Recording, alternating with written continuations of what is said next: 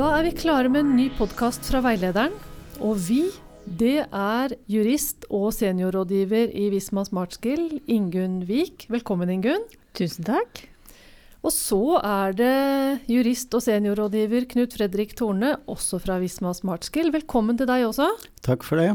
Og så er det til slutt jeg som heter Lisbeth Storvik Jacobsen, og som skal lede oss gjennom det et litt komplisert tema innenfor helsesektoren, nemlig verge og nærmeste pårørende. Dette er jo et tema som berører både de som jobber i helsesektoren, og som skal forholde seg til pasientene eller brukernes pårørende. Og på den andre siden så er det jo de pårørende som gjerne vil ivareta sin sønn, datter, ektefelle, mor eller far. Knut Fredrik og Ingunn, dere to har jo holdt kurs om dette temaet der dere gikk grundig gjennom regelverket. Men likevel så er det nok mange som syns at dette er vanskelig. Det skjønner vi jo på spørsmålene dere får som rådgivere for veilederen. Ingunn, kan du begynne med å si litt om den grunnleggende rettigheten til å bestemme selv? Mm. Retten til å bestemme selv over eget liv og egne penger og eiendom, det er en grunnleggende rettighet for alle mennesker. Alle inngrep i denne retten det krever en eller annen form for hjemmel, og jo mer man griper inn i retten, jo strengere krav er det til lovhjemmel. Personer med nedsatt funksjonsevne har samme rettigheter som alle andre, og CRPD, som er en egen internasjonal konvensjon som skal sikre rettigheter for personer med nedsatt funksjonsevne, pålegger statene å ha ordninger som gir de som trenger det, bistand og støtte til å ivareta sine økonomiske og personlige interesser. I Norge så er det jo slik at en ungdom blir eh, myndig på 18-årsdagen, og vi sier da at vedkommende får full rettslig handleevne.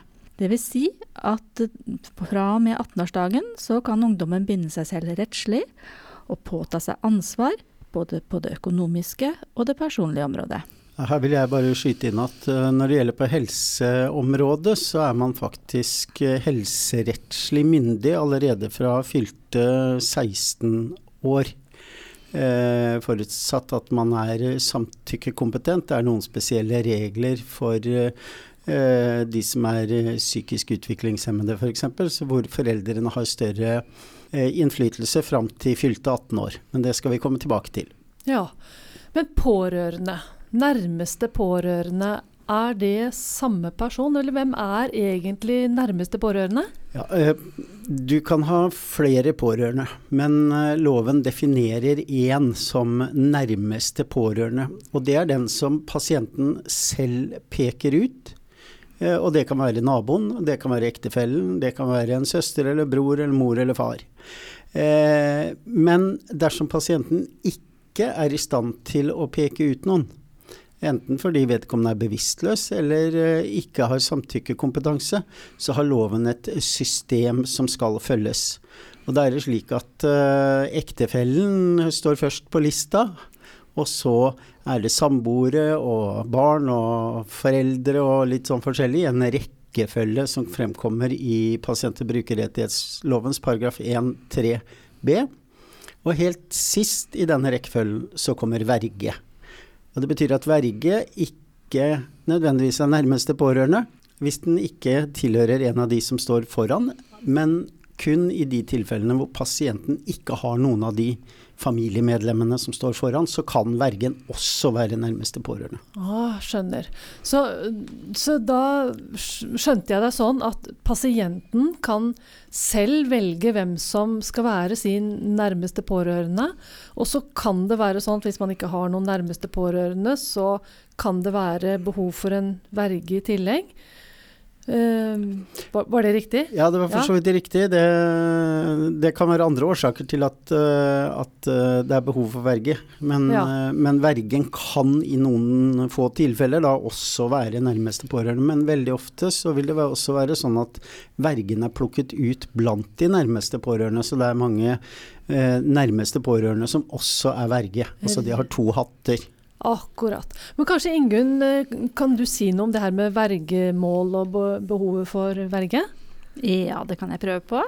Eh, vi har en egen vergemålslov hvor det er bestemmelser om eh, oppnevnelse av verge for personer over 18 år. Og hovedvilkåret for å få en verge når man er over 18 år, da, det er at man har en medisinsk diagnose. Det er ikke bare tradisjonelle medisinske diagnoser, men det kan også være spilleavhengighet eller alvorlig rusmisbruk. Men da at den diagnosen man har fått, eh, medfører at eh, man ikke er i stand til å ivareta egne interesser. Og med interesser så mener vi jo rettigheter og plikter. Ja. Ikke sant? Og hvis man ikke kan gjøre det på en ålreit måte, så kan man ved behov bli satt under vergemål. Og loven bruker ordet behov, og det betyr at det skal være et reelt behov for bistand fra en verge. Dersom man kan dekke behovet med mindre inngripende tiltak, så skal det ikke oppnevnes verge. Og loven har eh, to eh, viktige alternativer. Eh, vi har det som heter nærståendes representasjonsrett. Det er en rett, en bestemmelse, som gjør det mulig for nære pårørende å foreta noen økonomiske disposisjoner, som f.eks. å betale løpende regninger når eh, et familiemedlem blir syk og ikke kan gjøre dette selv. Og vi har også en ordning eh, hvor eh, man eh, kan eh, lage en fremtidsfullmakt. Altså at jeg lager en fullmakt f.eks. til et av mine barn om at dersom jeg en gang i framtiden blir syk, eh, blir dement og ikke klarer å ivareta mine, mine forpliktelser og formue og alt dette her, så kan jeg gi barnet mitt da en fullmakt til å handle på mine vegne. Men i de tilfellene hvor dette her ikke er tilstrekkelig, så åpner jo loven for at eh, man kan oppnevne en verge som skal ivareta mine økonomiske eller personlige forpliktelser og interesser. Et uh, vergemål det er i utgangspunktet en frivillig ordning. Det innebærer at så sant den som trenger verge har samtykkekompetanse, så skal vedkommende samtykke til at det oppnevnes verge, hvor omfattende vergemålet skal være, og hvem som skal være verge. Og det innebærer, siden det kreves samtykke, så innebærer det jo at en person som er samtykkekompetent, også kan velge bort det å ha en verge. Ja, riktig. Og da står man jo fritt da, til å gjøre ganske ufornuftige valg i våre øyne. ja. Men sånn er det. Der har lovgiver mm. valgt å beskytte eh, retten til å bestemme selv, for den står veldig sterkt. Men eh, det kan da også, hvis det er helt klart at dette her ikke går, og vedkommende ikke er samtykkekompetent, så kan man også gå til dette skrittet og frata noen den rettslige handleevnen, både på det personlige og det økonomiske planet.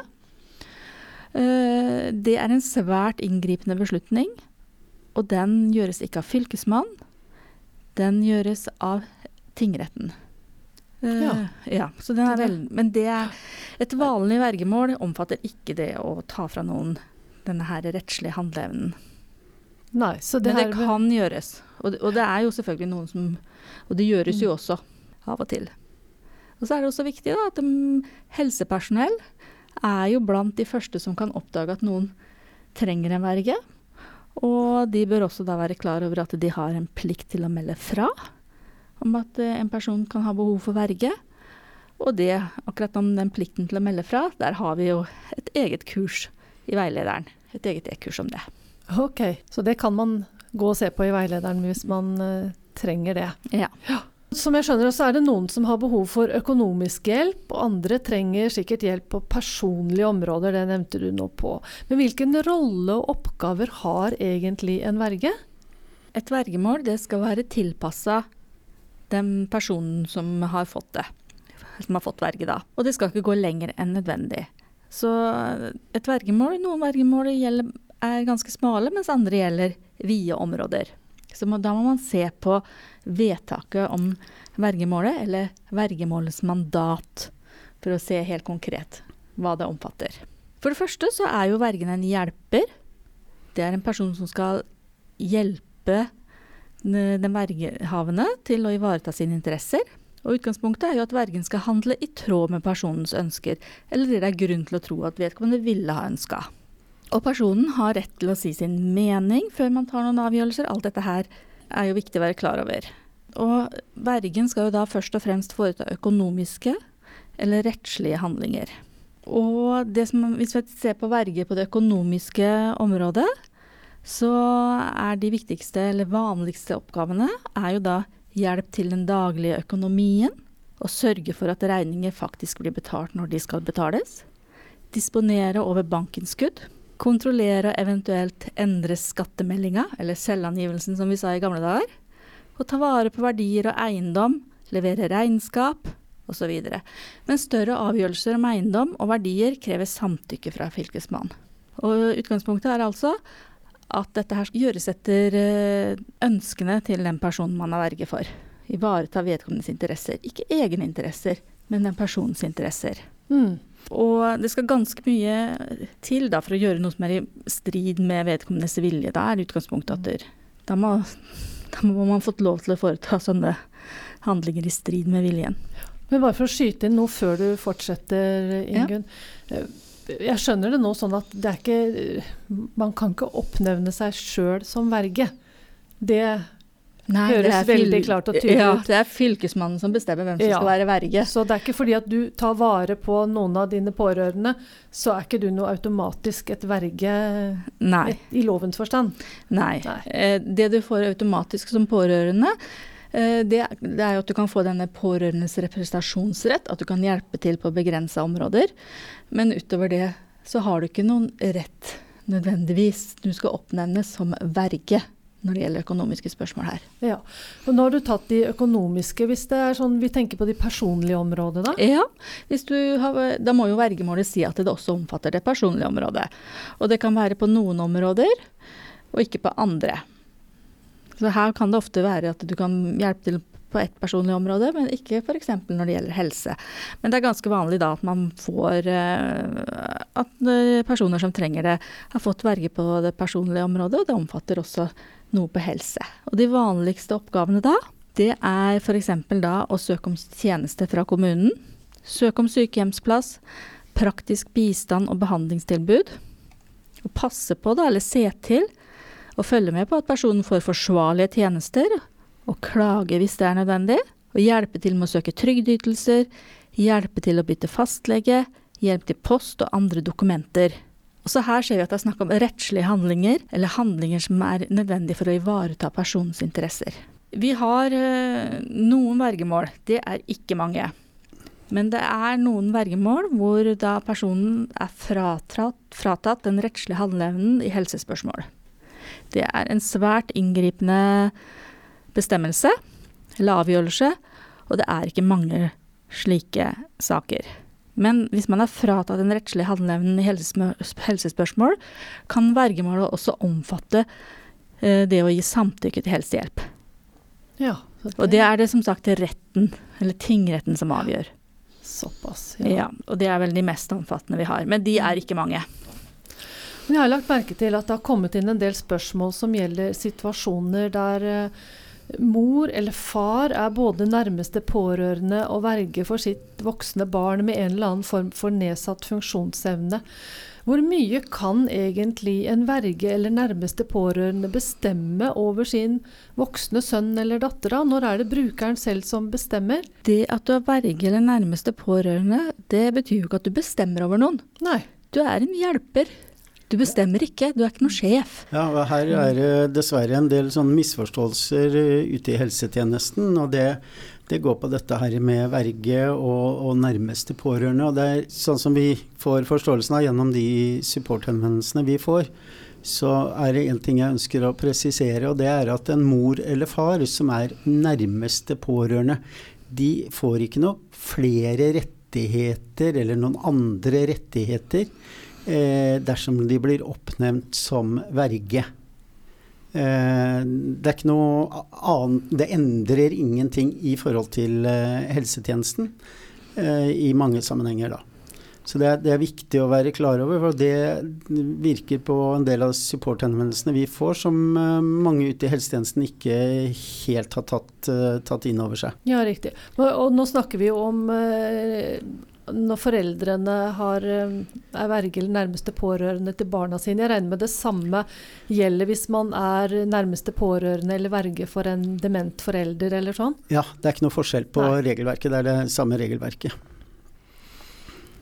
Mm. Kan dere si litt om noen, hvilke andre utfordringer er dere får henvendelser om? For jeg skjønner jo at her, eh, her kommer det inn mye spørsmål. Ja, eh, det som vi får på, på supporten, eh, det er det, som går på samtykke. Og her er det store utfordringer. Hvem samtykker, og hvem samtykker til, til hva. Når det gjelder eh, helsehjelp, så er jo utgangspunktet også her at eh, pasienten selv skal samtykke. Eh, og så har vi de tilfellene hvor pasienten da ikke er samtykkekompetent. Så har vi bestemmelser i pasient- og brukerrettighetslovens paragraf 4-6. Hvem er det da som samtykker på vegne av den ikke samtykkekompetente pasienten? Og det er helsepersonellet selv.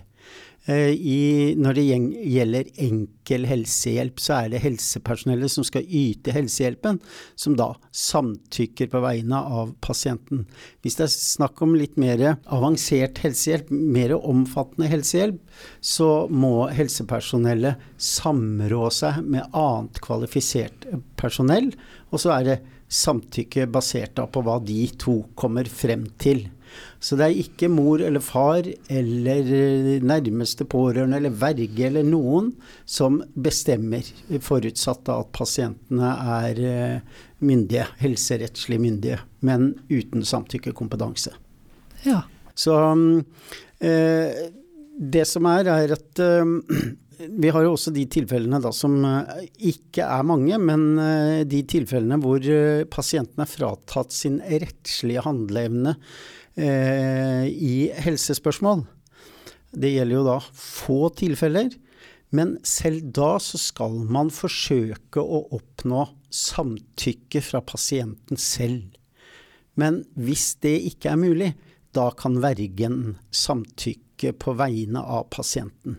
Men det er kun i de tilfellene, og det er hjemlet i pasient- og brukerrettighetslovens paragraf 4-7. Det som man ute i helsetjenesten også må være klar over, det er at øh, når det gjelder psykisk utviklingshemmede, så er det sånn at øh, der kan Altså vi har en helserettslig myndighetsalder på 16 år, ja. men for de som ikke er samtykkekompetente, så fram til de er 18 år, så er det foreldrene som kan ta avgjørelsen på, på ungdommens vegne. Eh, men så skjer det noe. Fordi når barnet da fyller 18 år, eller ungdommen fyller 18 år, så har, ikke, eh, foreldre, har man ikke foreldreansvar lenger. Og da er det fortrinnsvis, som jeg har nevnt, helsetjenesten selv som samtykker på vegne av eh, pasienten. Og for meg, så ut fra det vi får av supporter, og det jeg får vite når jeg er ute og underviser eh, om dette her, så er det tydelig for meg at det er ikke så altfor mange som reflekterer over det som skjer faktisk når den, disse brukerne fyller 18 år. Nei, At det er da er det andre, eh, et annet regelverk som gjelder. Mm. Det er jo dette her man skal ikke bestemme over. Det er ikke snakk om å detaljstyre noens liv.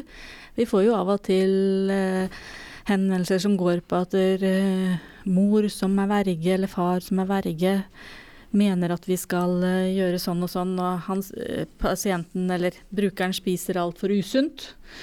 Mor vil at vi skal fjerne eh, Nugattien og Colaen fra kjøleskapet hans. Eh, og jeg tenker at det er ikke noe som verken mor som pårørende eller mor som eh, verge kan bestemme over sitt voksne barn, selv om barnet kanskje da har en psykisk utviklingshemming. Hvis det er slik at det ikke er bra for vedkommende å spise det, så må jo helsetjenesten, da, eller de som jobber på, på den boligen, sørge for at en del av omsorgen er å se til at man spiser sunt. Så da er det opp til de å ta den vurderinga om det skal fjernes fra kjøleskapet. Ja, det kan nok hende at det er en del som syns kan være litt vanskelig som mamma eller pappa. Ja, men mamma og pappa må gjerne si sin mening, men det er ikke de som bestemmer til syvende og sist. Akkurat på sånne små detaljer. Altså bare også skyte inn uh, her at uh, altså det, er en, det jeg også opplever også gjennom, uh, også gjennom supporten vår, det er en del demente pasienter som har hva skal jeg si, litt utfordrende pågående pårørende. Og hvor det er de pårørende, nærmeste pårørende, eller eventuelt en verge, som på en måte får veldig mye styring Altså, det at en pasient er dement, det er ikke dermed gitt at de er satt i en bås og ikke kan samtykke til noe som helst. Det kan godt tenkes at en, dement, eh, en pasient med demenssykdom kan eh, samtykke til ganske mye. Ja. Så, så, man må ikke sette pasientene i bås etter, etter diagnose. Og ikke frata de rettighetene til akkurat det de kan svare på selv, kanskje? Nettopp. Mm. nettopp sånn som jeg oppfatter det, så kan det være eh, vanskelig for, og utfordrende for en del foreldre å på en måte gi helt slipp på ungdommen når han fyller 18 år og, og er f.eks. psykisk utviklingshemmet. Og jeg hadde, var borti en sak for mange år siden hvor det var en ung mann med, med Downs syndrom. Og han hadde et stort ønske, og det var å få gå på diskotek. Oi, ja. Men det ønsket ikke mamma. Så det fikk han mm. ikke lov til. Og han eh, Det var han veldig Han syntes det å danse var så gøy, og ville svært gjerne gå på diskotek. Mamma mente at han fikk jo danse på boligen når de hadde tilstelninger der, og det fikk holde. Han eh, kunne være med i koret i kirken og synge der, men det syntes han ikke var noe gøy, så han ville heller på diskotek. Og det ble til at han fikk gå på, på, diskotek, for det var jo en beslutning som han kunne ta selv. Han visste hva dette innebar. Han fikk med noen fra boligen, og det var eh, kjempevellykka, for å si det forsiktig. Han var, For det første så var det stort for han å få bestemme selv. Og for andre så fikk han jo en opplevelse som han hadde hatt et ønske om i, i noen år, faktisk. Men her eh, skulle nok eh, helsetjenesten ha hørt på han på et tidligere tidspunkt. Han tok kontakt med meg når jeg var eh, pasient- og brukerombud, for han hadde sett meg på TV-en, og han trengte hjelp, og det fikk han. så, det var en veldig søt historie. Ja, den fine, mm. fine historie var for så vidt, eh, eller for øvrig en veldig, veldig fin eh, type, så vi hadde mye moro sammen. Og så er det en problemstilling som dukker opp veldig ofte, og det er hvor skal brukeren bo? Ja. Altså Det er snakk om yngre voksne med psykisk utviklingshemming, og som i mange tilfeller også da har verge. Og veldig ofte så er mor For det er veldig ofte mødre, har jeg sett gjennom supportene våre, at mor er både nærmeste pårørende, men også verge på det økonomiske. Og så har man eh, tjenesten som gjør faglige vurderinger om hvordan eh, videre behandling og hvordan videre opplegget skal være for denne unge psykisk utviklingshemmede. Og faglige vurderinger tilsier at eh, denne eh, brukeren bør bo i en egen bolig. Men så sier vergen nei. Brukeren skal bo hjemme hos meg. Og dere får stille opp med BPA og alt. Og så har vi brukere som da kanskje gir uttrykk for uh, både det ene og det andre. De er en del av disse brukerne som uh, er hva skal jeg si, veldig oppsatt av å tilfredsstille nærmeste pårørende, eller sine foreldre. da. Mm. Og som kanskje i, på tomannshånd gir klart uttrykk for at de ønsker sterkt å bo i en egen leilighet og få sitt eget. Men med en gang mor er til stede, så vil de bo hjemme hos mamma.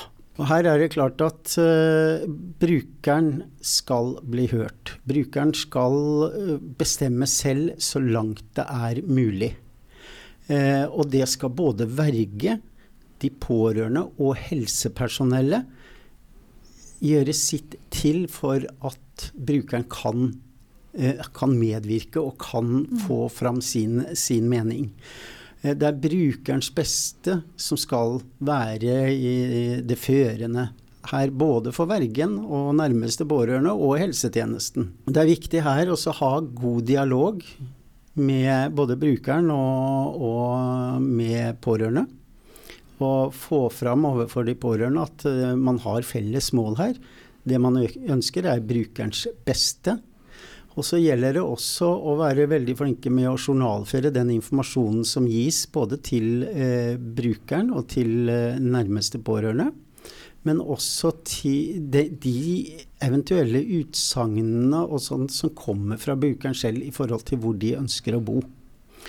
Hvis det er sånn at øh, verge slash pårørende, nærmeste pårørende, lar egne personlige interesser styre her, så er min anbefaling at man sender et brev til Fylkesmannen og anmoder om tilsyn med vergen. Fordi vergen har en oppgave, og det er å ivareta brukerens interesse og legge forholdene til rette for at brukeren selv skal kunne bestemme.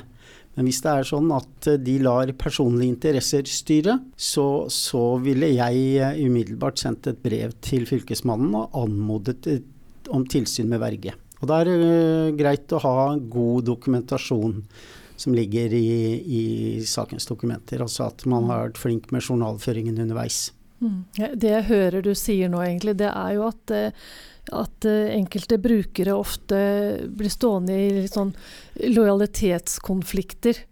Altså med hva de egentlig ønsker, og, og, det her med at de ikke vil se mamma lei seg. Ja, og det, det er kjempeutfordrende for, eh, for, mange av eh, disse brukerne, akkurat den lojalitetskonflikten der. Men uh, som jeg tenker, der kommer også profesjonaliteten til de ansatte inn, som kan håndtere disse brukerne på en, på en, fornuftig og god måte. Mm. Ikke, Har du noe du ønsker å å spille inn, Ingunn, før vi begynner å nøste trådene litt? Grann? Jeg tror jo det at de aller, aller fleste pårørende og de aller, aller fleste verger, de har jo brukerens beste i tankene. Ja, det håper vi. Så vi håper, eller jeg tror at man kommer, Men at det kan være forskjellige hinder. Det kan være kommunikasjonssvikt og misforståelser, ikke minst. Mm. Så jeg tror at det, mange av de sakene så kommer man langt med å legge til rette for en god dialog. Få fram veldig godt dette her med at man, alle parter ønsker det beste for brukeren. Ja, så kan det hende at det mamma tenker er det beste for barnet sitt, er kanskje ikke det helsetjenesten mener er det beste det kan være. Men mm. samtidig så kan det hende mamma har mye fornuftig ja. å komme med. Så en god dialog ja. er viktig alltid.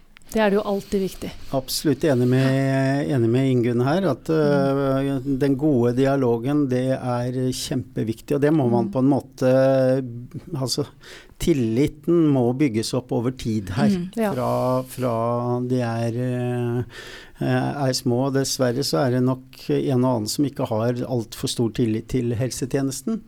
Så da får man en utfordring. Mm. Og så er det én ting jeg gjerne vil si her på slutten, og det er at uh, ut fra de henvendelsene vi får til supporten vår, så er det mye som tyder på at vergens rolle i helsesaker er si det, betydelig overdrevet.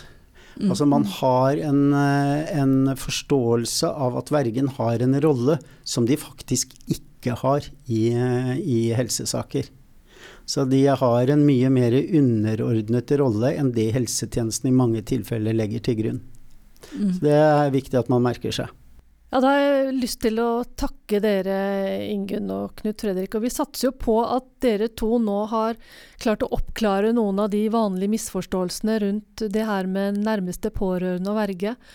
Dere har jo vært veldig tydelige på hvor sterkt retten til å bestemme selv faktisk står. Og det har kanskje ikke alle vært eh, like klar over. Men dere, hvis dere som hører på vil ha en grundigere gjennomgang av temaet, så finnes det opptak av dette webinaret om verge og nærmeste pårørende i veilederen. Da tror jeg vi skal si tusen takk for oss eh, for denne gangen, ja dere. Ja, tusen takk. Takk for nå. Ha det godt.